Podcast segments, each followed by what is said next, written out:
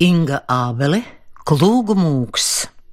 Iestudējums Klūgu mūks ir neatkarīgās producentu biedrības esto veidots literārais lasījums ceļā uz Latvijas valsts simtgadi. Lasījuma autori Anta Rugāte un Juris Kalniņš 2017. gada ieraksts. Romāna radiolasījumā darbojas Anta Rugāte, Ainārs Ančevskis, Mārtiņš Brūveris, Indra Burkovska, Remons Selms, Aija Dzērve, Gints Grāvelis, Juris Kalniņš, Pēteris Liepiņš, Inga Misāne, Zigords Neimanis, Kristaps Rasims. 12. lasījums. Ceļš braucējus drebināja un kratīja, rati svaidījās un grozījās pa apaļiem akmeņiem nolikto Maskovskaja zastāvas ielu. Uz abām pusēm pletās Pēterpils Maskavas priekšpilsēta - miglaina, netīra, drūma, salīs dzīvnieks, kas atkusnīs abozis spalvu. Viņa brauca tālu.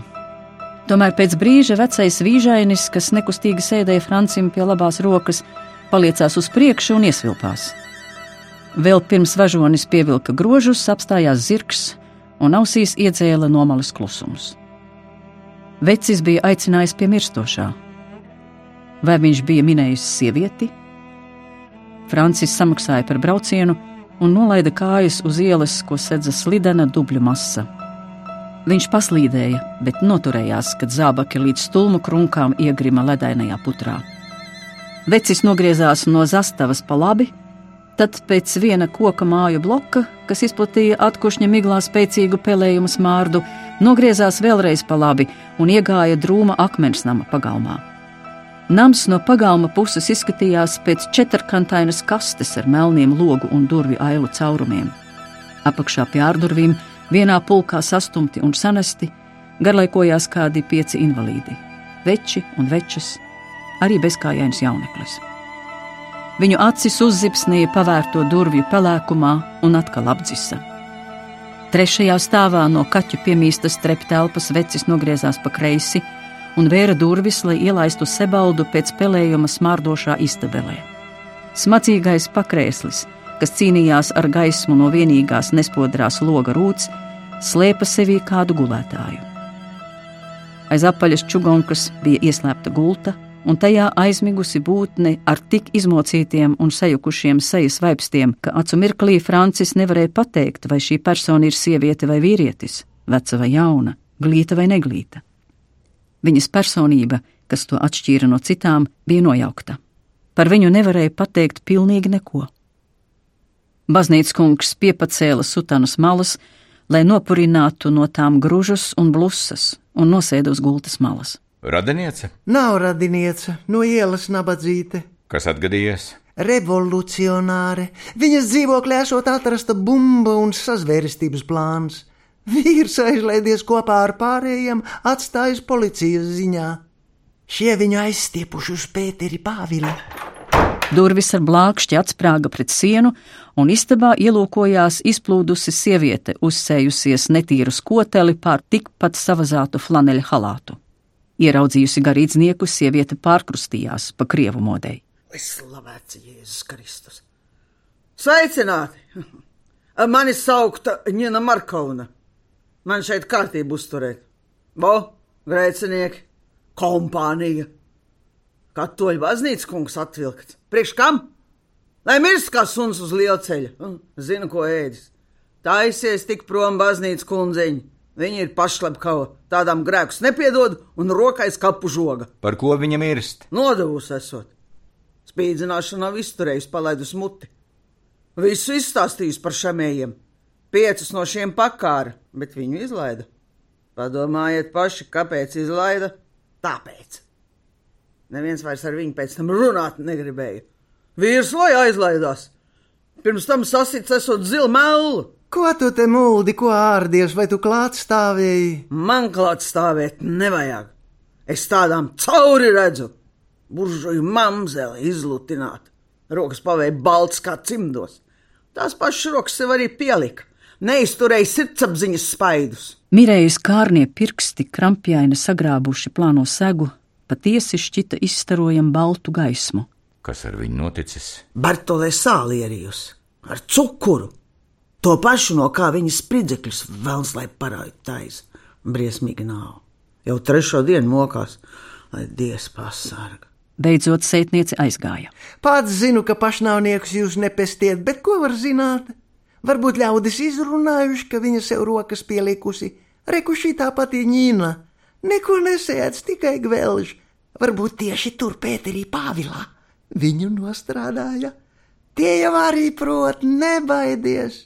Francis pamāja ar zodu, un vacs tāpat vien kniksēdams un krustus mezdams, klusītēm pazuda aiz durvīm. Istabā iestājās klusums. Francis lēnītēm sāka knibināt vaļā slimā skrampjaino tvērienu. Pirkstu pēc pirksta atbrīvoja viņas izģindušās rokas vienu no otras. Nodzina mušas no sejas, paknai bija vaigu, un tad sirdzēja atmodās. Kad viņa atvēra acis, sejas vaipsti pēkšņi sakrita loģiskā zīmējumā, kā krāsainie stikliņi kaleidoskopa caurulītē lai gan acu baltumi bija sarkani no izplūdušām asinīm. Varavīksnenis bija vēl aizvien tajā pašā Latgolas vītolu pelēcīgajā zaļganumā. Sebalts viņu tūlīt pazina. Neapšaubāmi. Tā bija Terēze Augustīna Sokolovska. Tiesa, viņa bija ļoti izdēdējusi un šķita sasenējusi par vairākiem mūžiem. Seja bija izraibināta ar zilvioletiem pleķiem, ap acīm, nāsīm un lūpām āda bija izšķīdusi, nolobījusies. Palaks nokaisīts ar matiem, kas krita ārā veselām šķipsnām, tomēr arī viņa pazina Franci. Saņēmusi vienopus savā skatienā to mazumu cilvēciskās apziņas, kas vēl viņai bija palikusi. Vesela. Terēzes acis vienā mirklī uzplūda asarās it kā zem acu āboliem būtu atvēries neredzams olūts.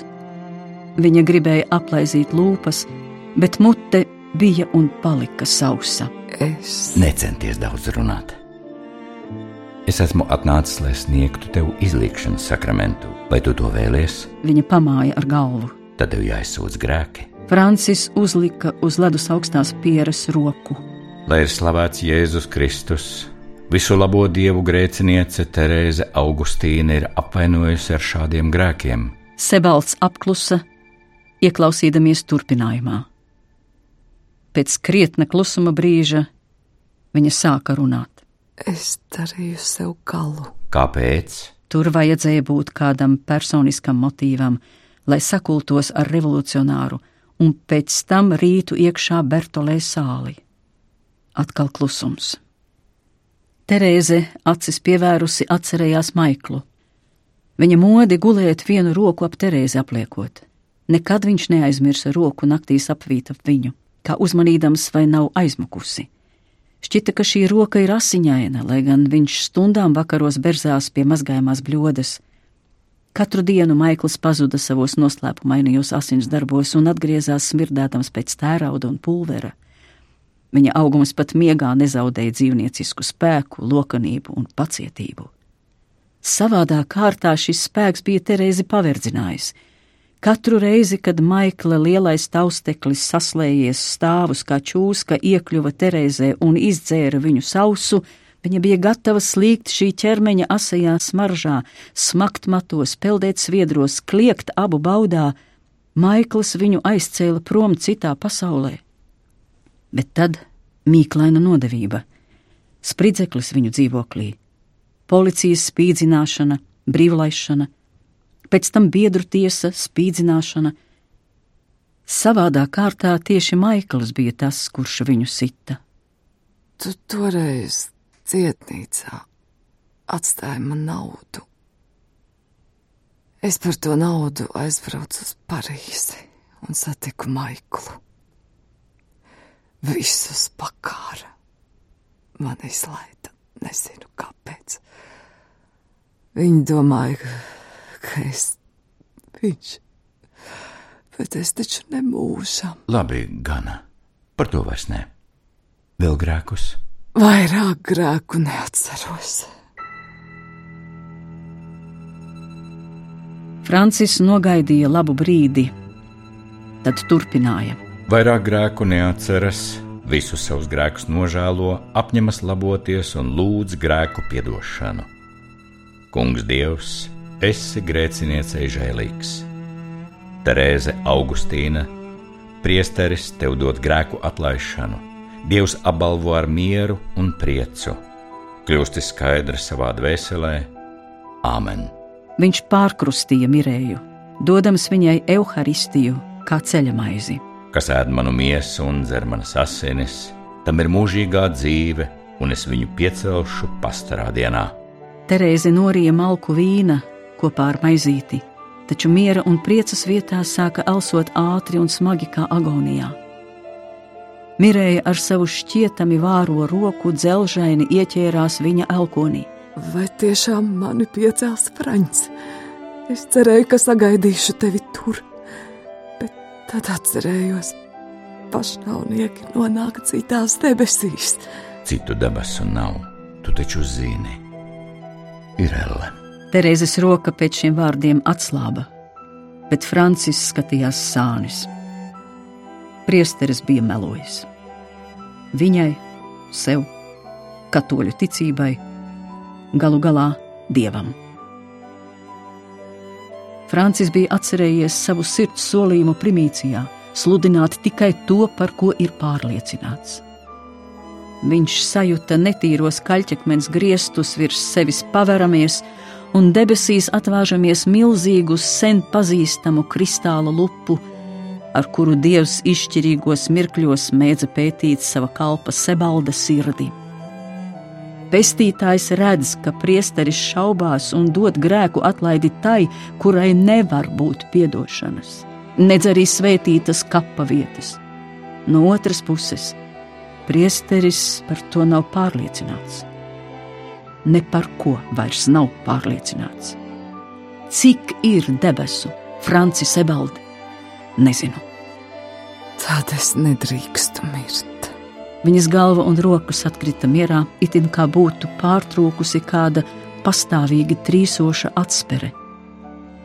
Lūpas veidoja plānu asiņainu domu zīmi. Viņu uzrunājis, Francis pārliecinājās, ka tas ir pirms nāves miers.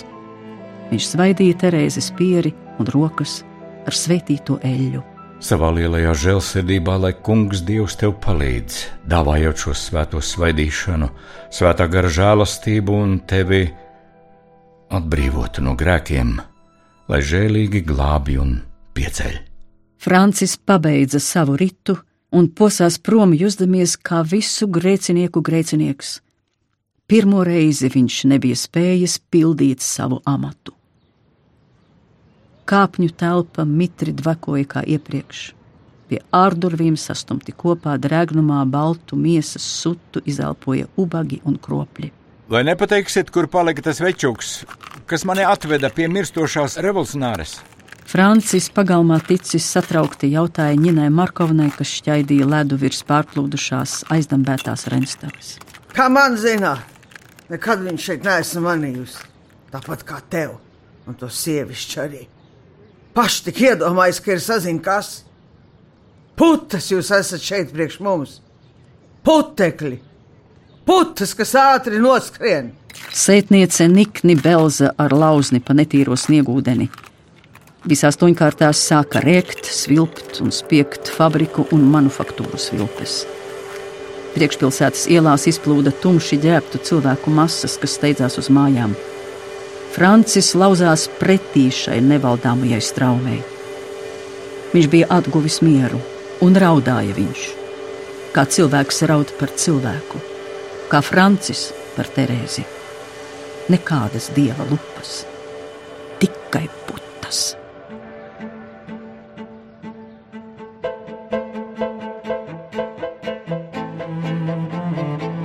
Patiesie materiālo vērtību īpašnieki ir tie, kas tās rada. Tā rakstīja Marks, un tā domāja arī cars Aleksandrs II atbrīvotājs. Marks domāja, bet cars rīkojās. Izsludināja amnestiju dekabristiem, uz trim gadiem pārtrauca rekrutēšanu armijā, pēc Baltijas guberņu parauga izsludināja likumu par dzimtbūšanas likvidēšanu uzsāka plašas tieslietu sistēmas, pilsētu, zemes un armijas reformas, atcēla miesas sodus, ierobežoja cenzūru, bet naroda voļciem tas nebija paprātam. 1881. gada 1. marta atentātā cars atbrīvotājs tika uzspērts gaisā. Pēc sešiem gadiem aprīļa Lietuvu atentāta rīkotāji tika aizdzīti uz pakāršanu, bet pakārtā brāli Vladimiru izslēdza no Kazaņas universitātes par radikālismu uzskatos. Vēl pēc desmit gadiem pienāca laiks, kad pakārtā brālis proklamācijās un dažu kapeiku vērtās burtnīciņās bija izplatījis visā impērijā Marksa un Engelsa preambulu esamība noteica apziņu. Tas gan vienkāršam strādniekam šķita pārāk sarežģīti. Daudz vienkāršāk skanēja ekspropriātoru ekspropriācija, kopējās sociāldemokrātiskās kases, uzbūves streiki un proletariāta politiskās tiesības. Baltijā atvērās gadsimtiem ilgi slēptā naida brūce pret baltvāciešiem, kuriem palīgā steidzās Krievu žandarmērija. Guberņās pret melno apvārsni rēgaini liesmoja piektā gada gunskuri zemnieku mājas. Piedzērušies dragūni valstījās ap soda priedēm. Tauta bija sarīdīta pret tautu. Vācieši un krievi pret latviešiem, leišiem, igauniem, poļiem un ebrejiem visā Eiropā sāka sociālas problēmas risināt ar nacionāliem paņēmieniem. Krievijā tauta prasīja zemi, brīvību un konstitūciju. Cārs Nikolais II piekāpās. 1905. gada 6. augustā izdodot likumu par valsts domes radīšanu. Arī Vitebskas guberņas latvieši sāka apcerēt savu pārstāvi valsts domēji. Nekāda vienota partija guberņā vēl nebija ne iedomājama, ne radāma. Faktiskā vara atradās baznīcas kungu rokās, un tie arī rīkojās. Viņi sāka apkarot ķemmes laikrakstu gaisma, radīja paši savu avīzi Auseklis politiskās darbības centrā izvirzījās Francis Sebalts, tolaik Reizeknes dekāns. Tieši viņš Vitebskas guberņas pilnvarnieku sapulcē tika deleģēts no Latgolas uz Krievijas valsts pirmo domu. Godavīrs ķemme prata būt augstsirdīgs, un gaisma šajā sakarā rakstīja: Apsveicam Franci Sebaldu, kai krīt no Kūsovas tautas poštovi, kam tautas lītas ir daudz tivok pie sirds, nekā kādam muižinīkam citautīšam. 1906. gada martā valsts augstākais fórums bija beidzot ievēlēts. Tas nebija mazāks notikums par verdzības atcelšanu.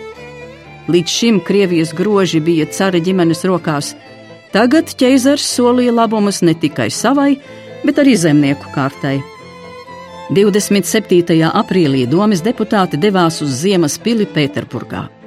Pilsēta bija izrotāta, baznīcās noturēja dievkalpojumus, veikali slēgti kā pie lieliem svētkiem.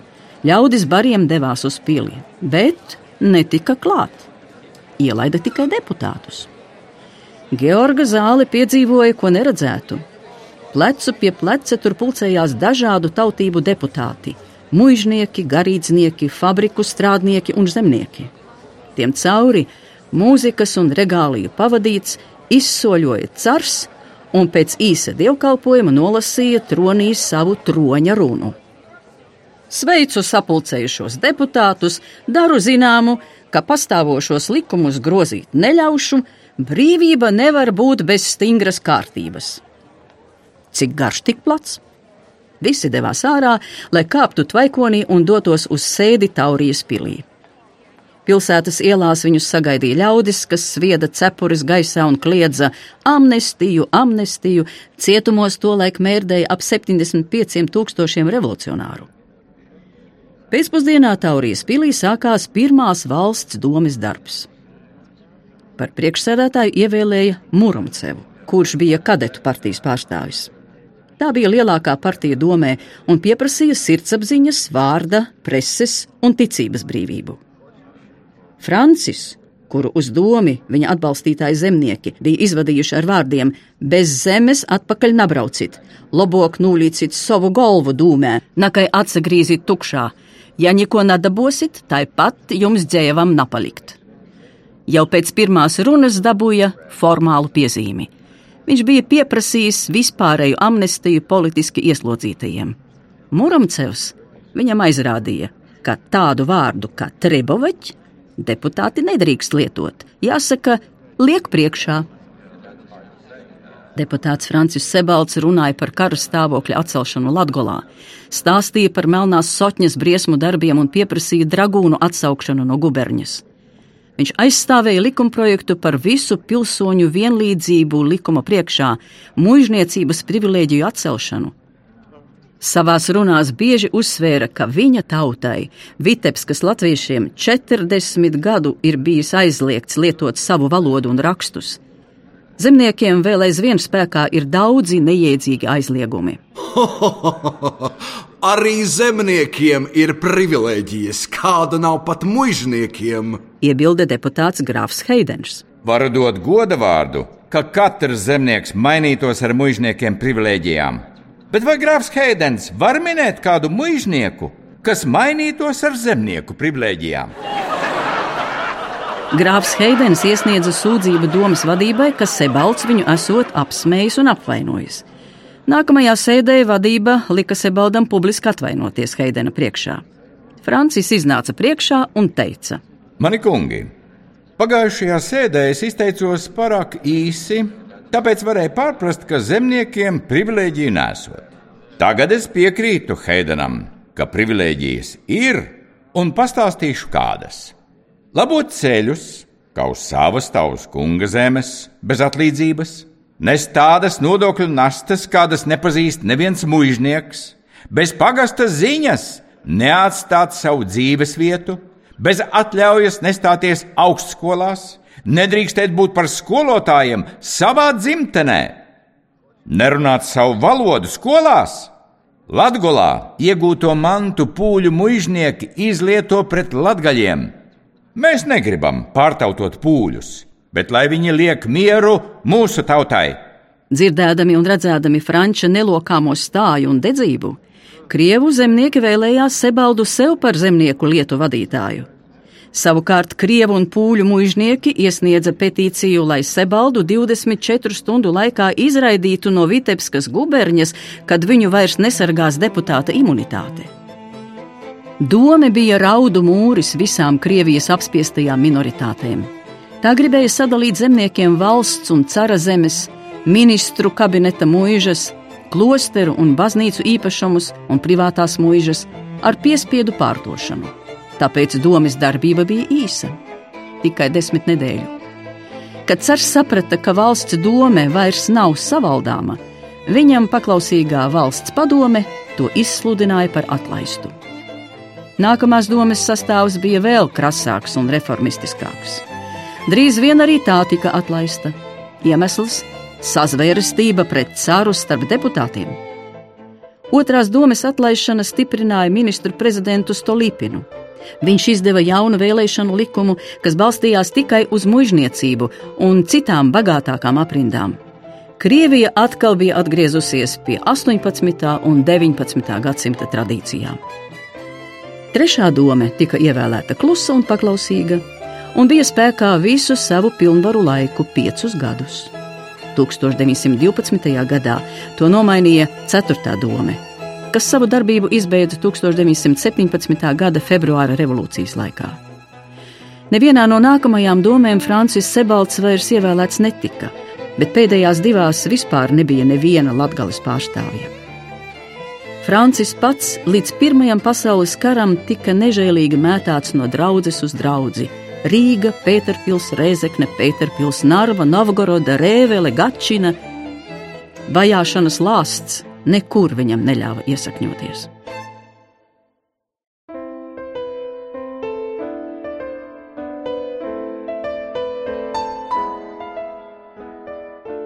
Pienāca jaunākā virsnieka Jezupa Sebalda kārta doties brīvajā lidojumā ar gaisa kuģi. Bija pats augusta vidus, 1912. gada 15. augusts, Marijas debesbraukšanas diena. Tas bija viens no nedaudzajiem datumiem, ko viņš pēc tam atcerējās visu mūžu.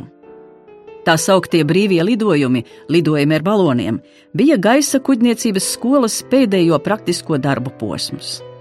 Jāceļas bija pulksten piecos, bet jau tad skolas laukumā rīta lidojuma tehniskie sagatavošanās darbi ritēja pilnā sparā. Ar katru balonu lidoja četri cilvēki. Jēzupa balona pilots bija virsleitnants Kogutovs, nopietnākais un stingrākais gaisa kuģniecības skolas instruktors.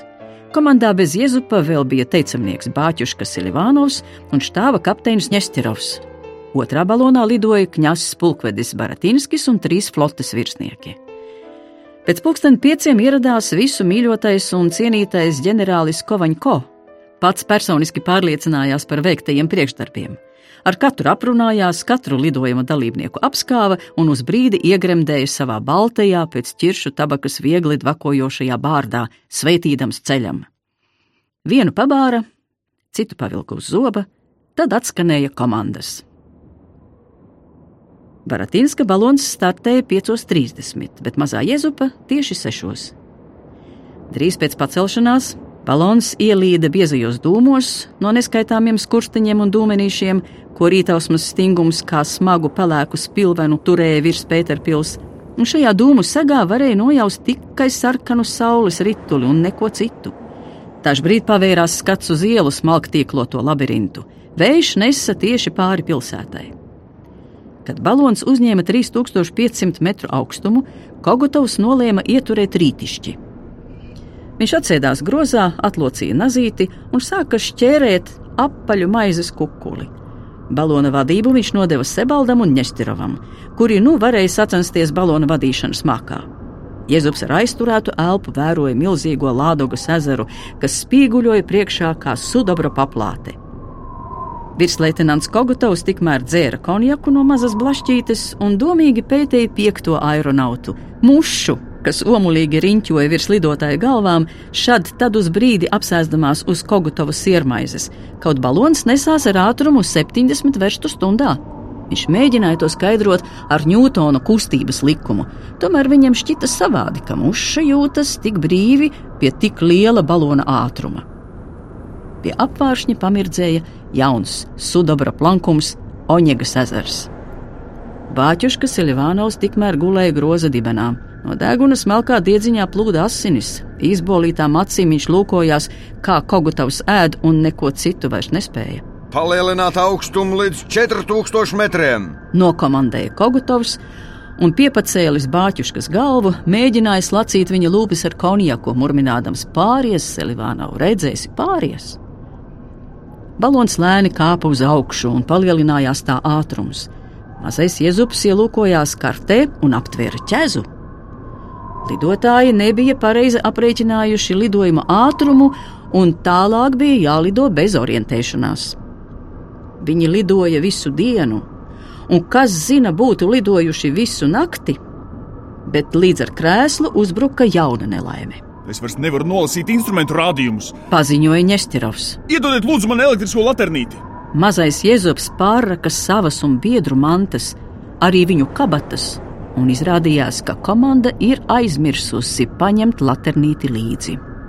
Tā bija īsta katastrofa. Kogotovs tikmēr īgni komandēja: Nolaižamies! Vārstu! Viņi izmeta tumsā zem kājām resnu tauvu, gaidropu. Lejā iešaucās lapas, bija dzirdams, kā gaidrops slīd pār mežu galiem, taustīdamies gar koku galotnēm. Pēkšņi viss apstājās.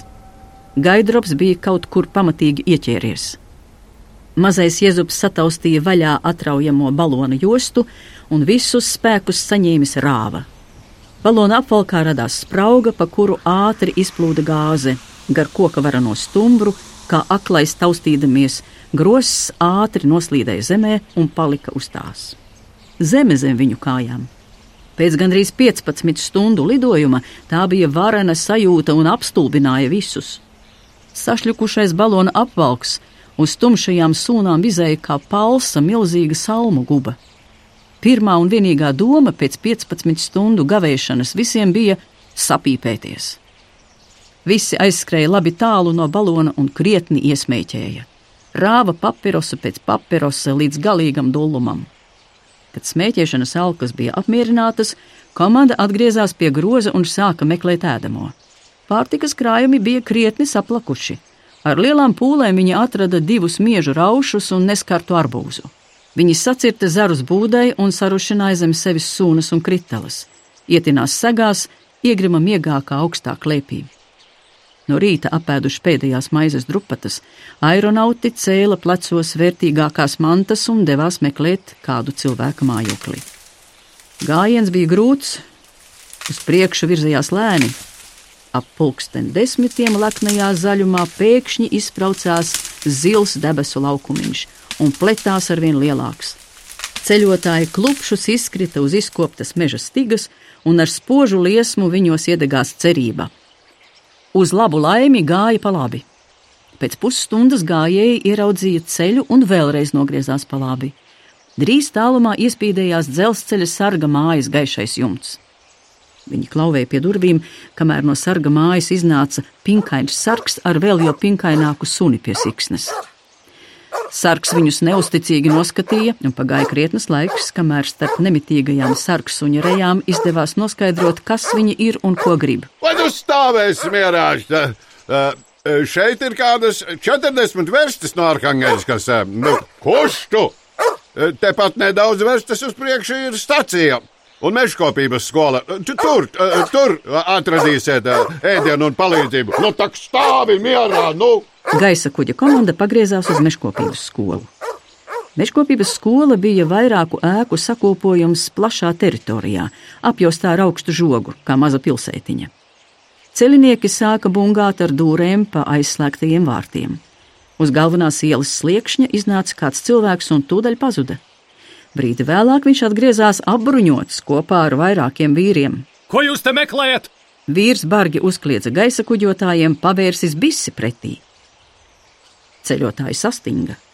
Pirmais attapās virsleitnants Kogutovs. Saslējās un izriesa blisē pretī krūti. Mēs esam virsnieki, gaisa kuģotāji. Virsnieki, pazīstam tādus. Vācieties labi ātri projām! Tūlīt šausim! Sev neraksturīgi iekaisa Selivānovs. Viņš gluži vai satrakojās par šādu neviesmīlību. Kā tā projām? Vai jūs traki esat? Lūk, mūsu apliecības!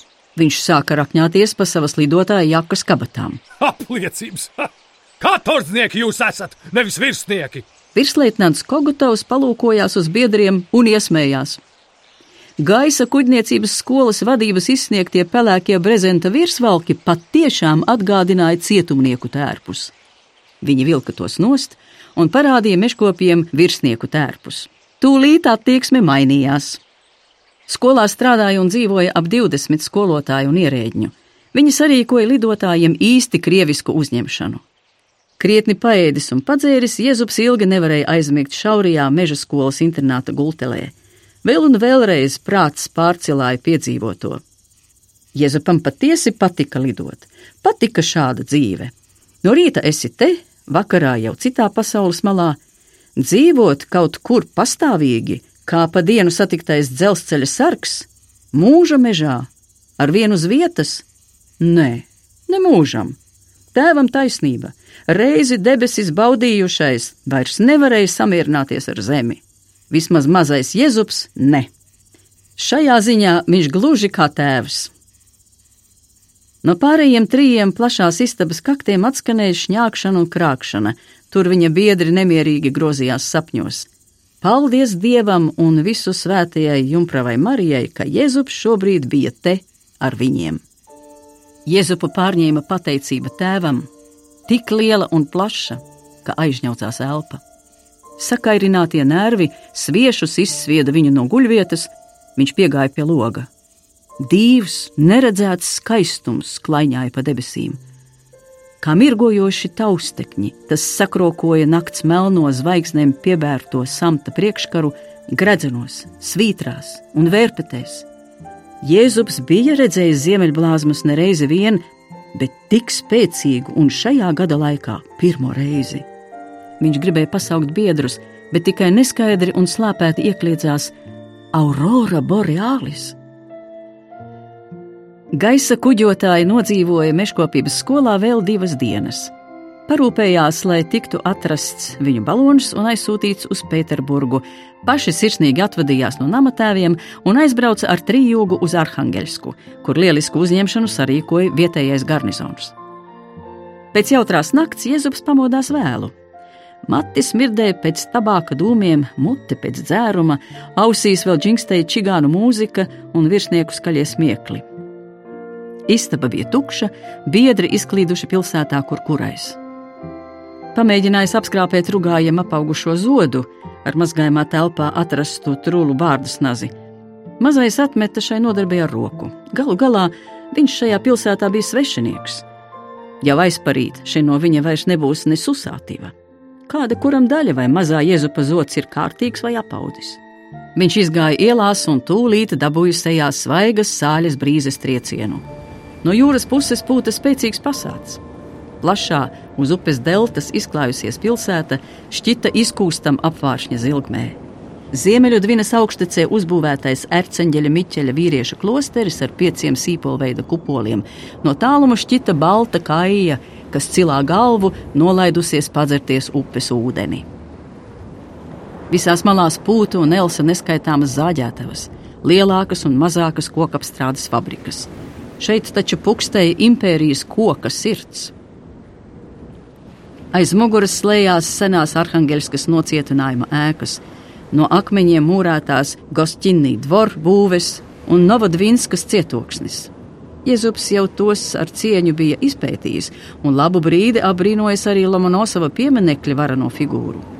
Tagad viņam arvien vairāk un vairāk gribējās ēst, un viņš sāka soļot uz vakariem, prom no lepnajiem, bet augstajiem akmeņiem, uz pilsētas koka daļu, no kurienes vēž brāzmaini nesa silta, tikko slaukta piena, karstu desu un virces smaku. Teinīcu kļuva arvien vairāk. Tajās dirnēja resni kupči ar krāsainām jostām, kas nokārās līdz zemē, un ar to galiem putekļos spēlējās kucēni.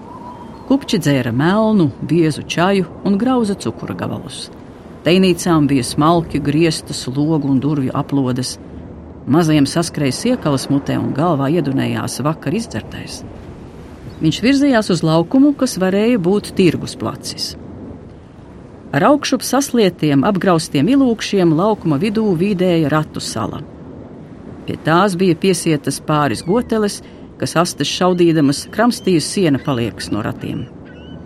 Zemē sēdēja jauna meitene un pina kaut ko no klūgām. Viņas mati bija tumšs un viļņains zīts, smalkā klājienā pār šauro muguru līdz jostas vietai.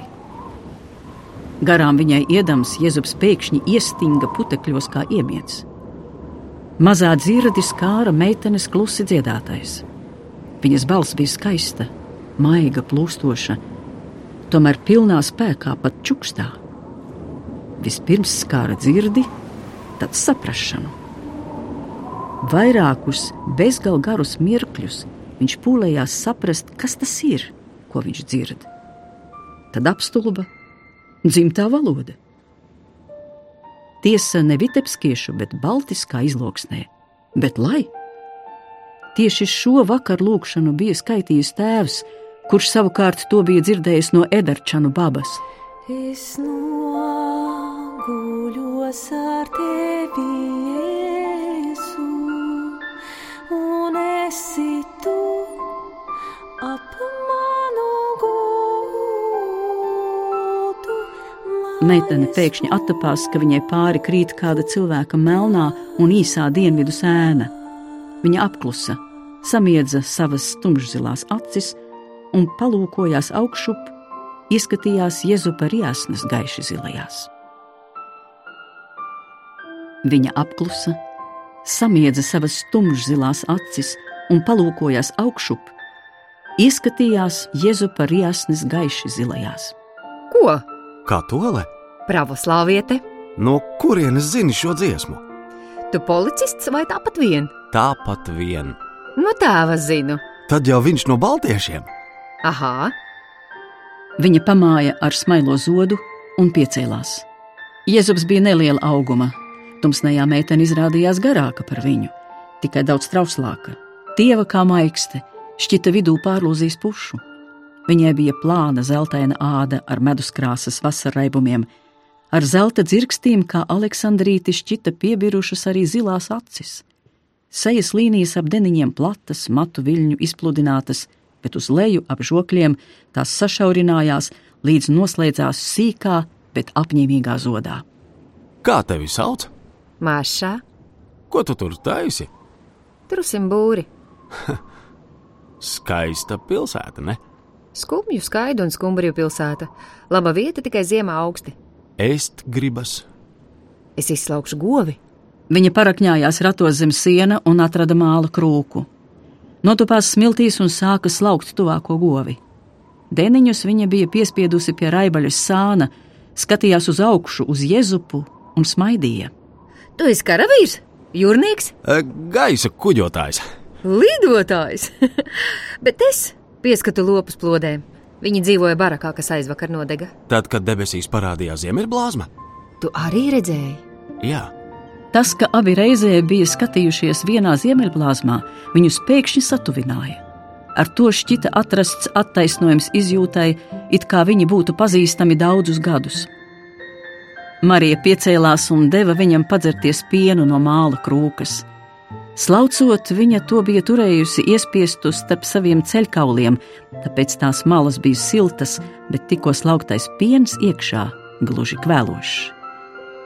Jēzus cēla krūku pie mutes un lieliem malkiem dzēra, vienlaikus zaudēdams prātu. Siltais piens šķita smaržojam pēc viņas klēpja. Tas bija nevis piens, bet kāds mistisks, pārāk organisks sekrets. Viņš redzēja, kā viņa skatās, un gribēja aizgriezties. Pārāk nekautri viņa skatījās. Lūk, arī tagad, kamēr Jēzus neatraudamies izdzēra krūku tukšu, Marijas mute dzīvoja viņam līdzi kā mātei krūtsbērnu ēdinot.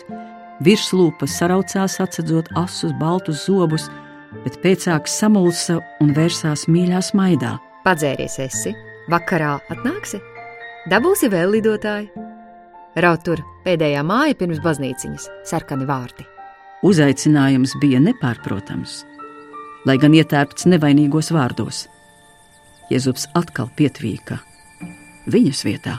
un ko teiks tavi vecāki? Man ir tikai tēvs un māsas, bet viņu šovakar nebūs. Savāks lopus un brauks uz kaimiņu sāģu iekārtot plodas jaunā vietā.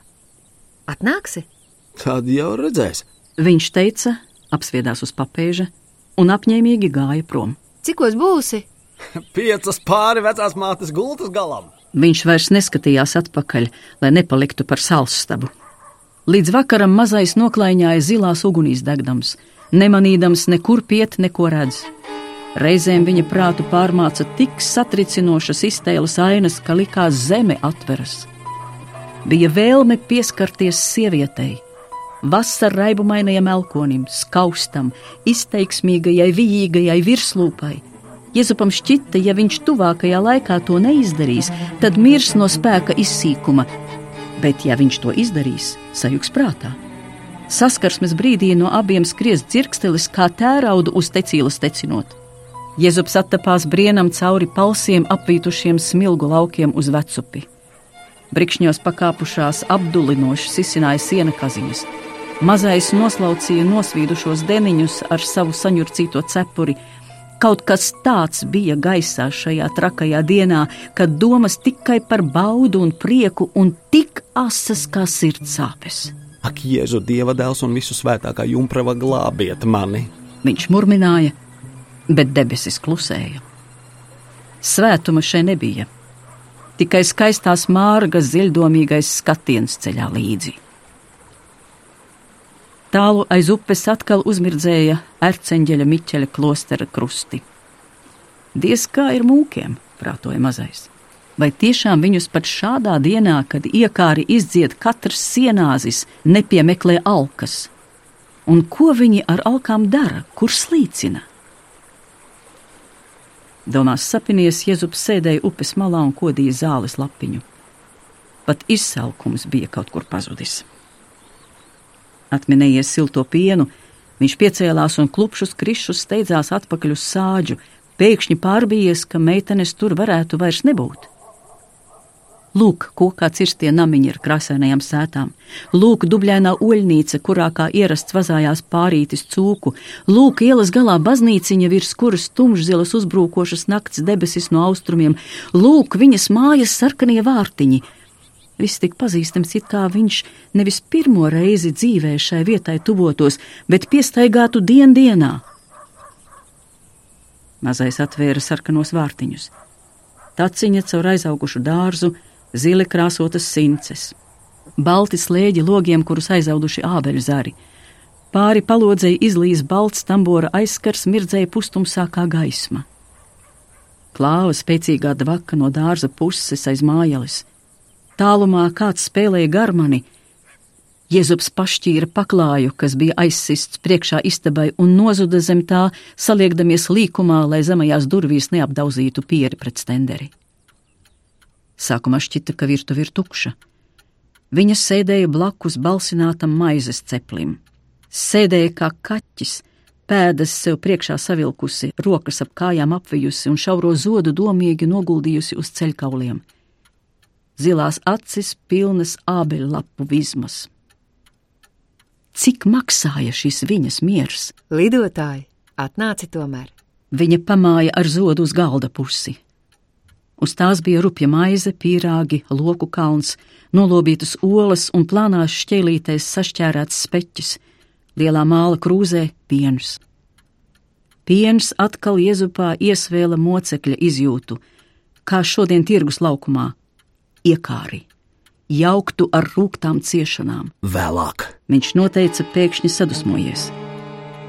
Piegāja klāt, ar asu cietu plaukstu Jēzus noglauda viņai skaustu Pāri mugurai kā ūdens virsmai pārdzinās drebuļu vilnītis. Viņa paklausīgi piecēlās, nodūra galvu un gāja uz istabu. Jēzupa rokas uzgūla viņas krūtīm.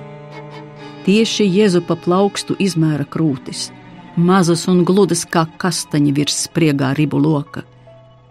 Viņš noguldīja meiteni gultā, izmētājot uz visām pusēm augsti sakrautos dūnus pilvenus un ielauzās viņā, kā ilgi badā turēts dzīvnieks, nesaudzīgi un stipri. Ar vienu roku aizklājis viņas seju, ar otru sagrābis stiegro trauslo kaklu, pilnībā aizmirsis par viņu kā jūtošu būtni un par mata tiesu no nogalināšanas. Bauda mijās ar īsu aizmiršanos sapnī, sapnis ar baudu.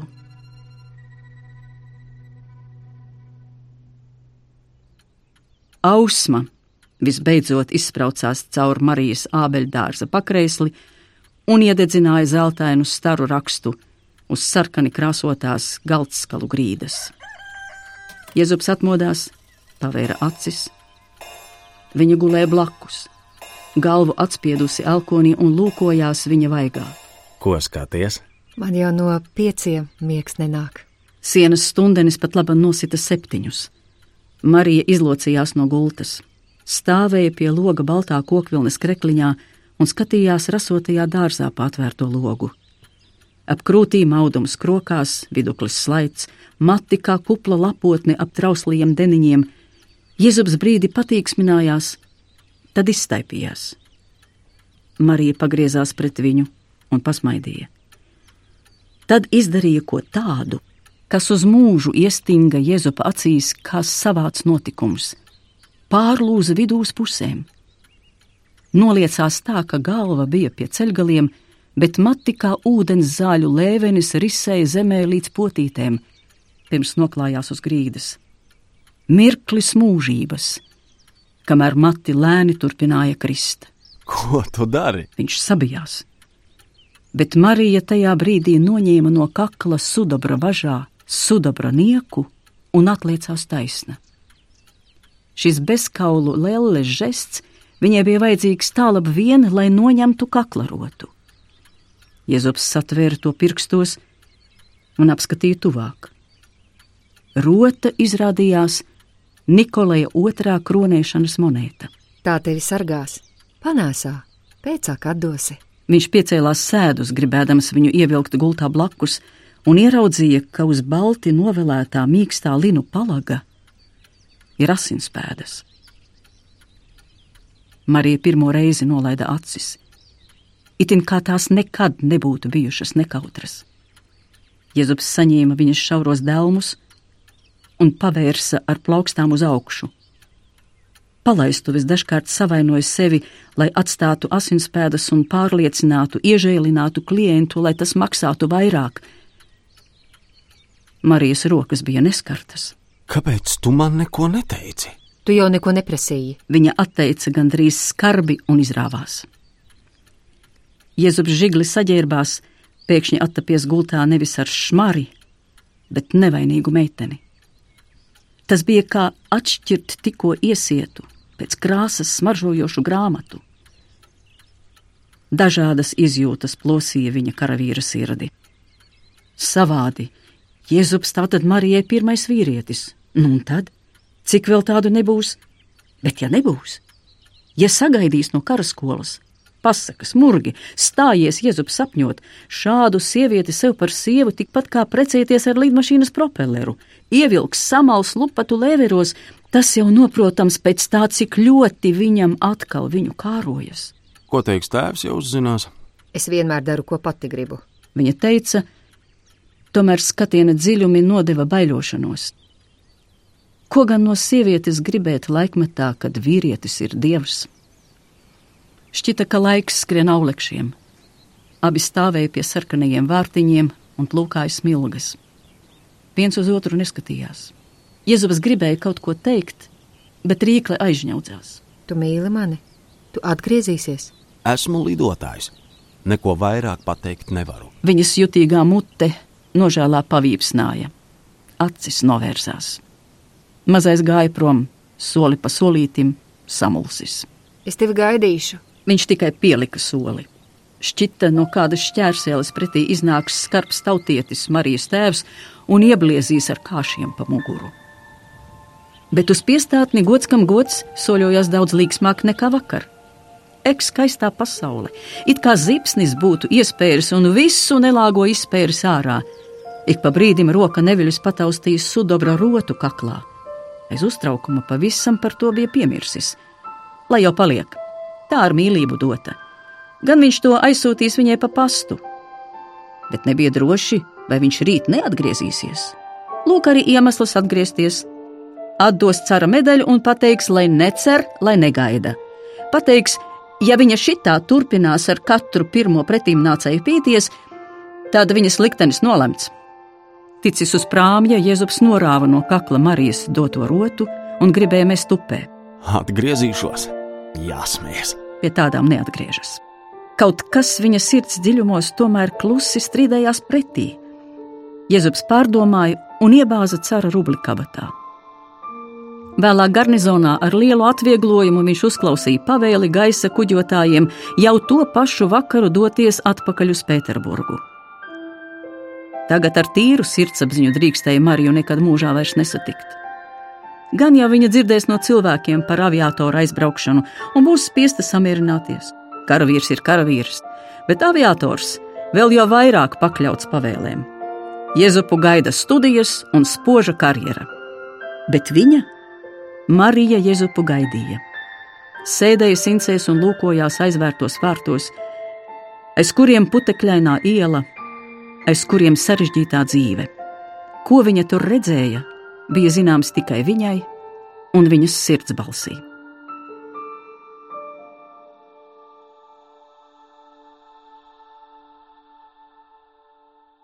Izskanēja Latvijas Latviešu kongresa un Latvijas valsts simtgadē veltītais Inga Sābeles romāna Klūgu mūks, Latvijas radio lielieskaņojuma 12. lasījums.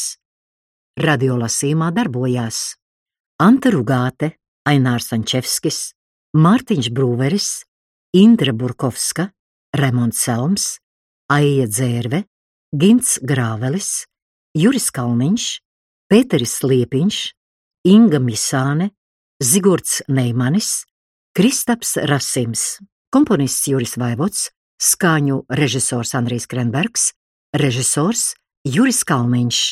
2017. gada ieraksts.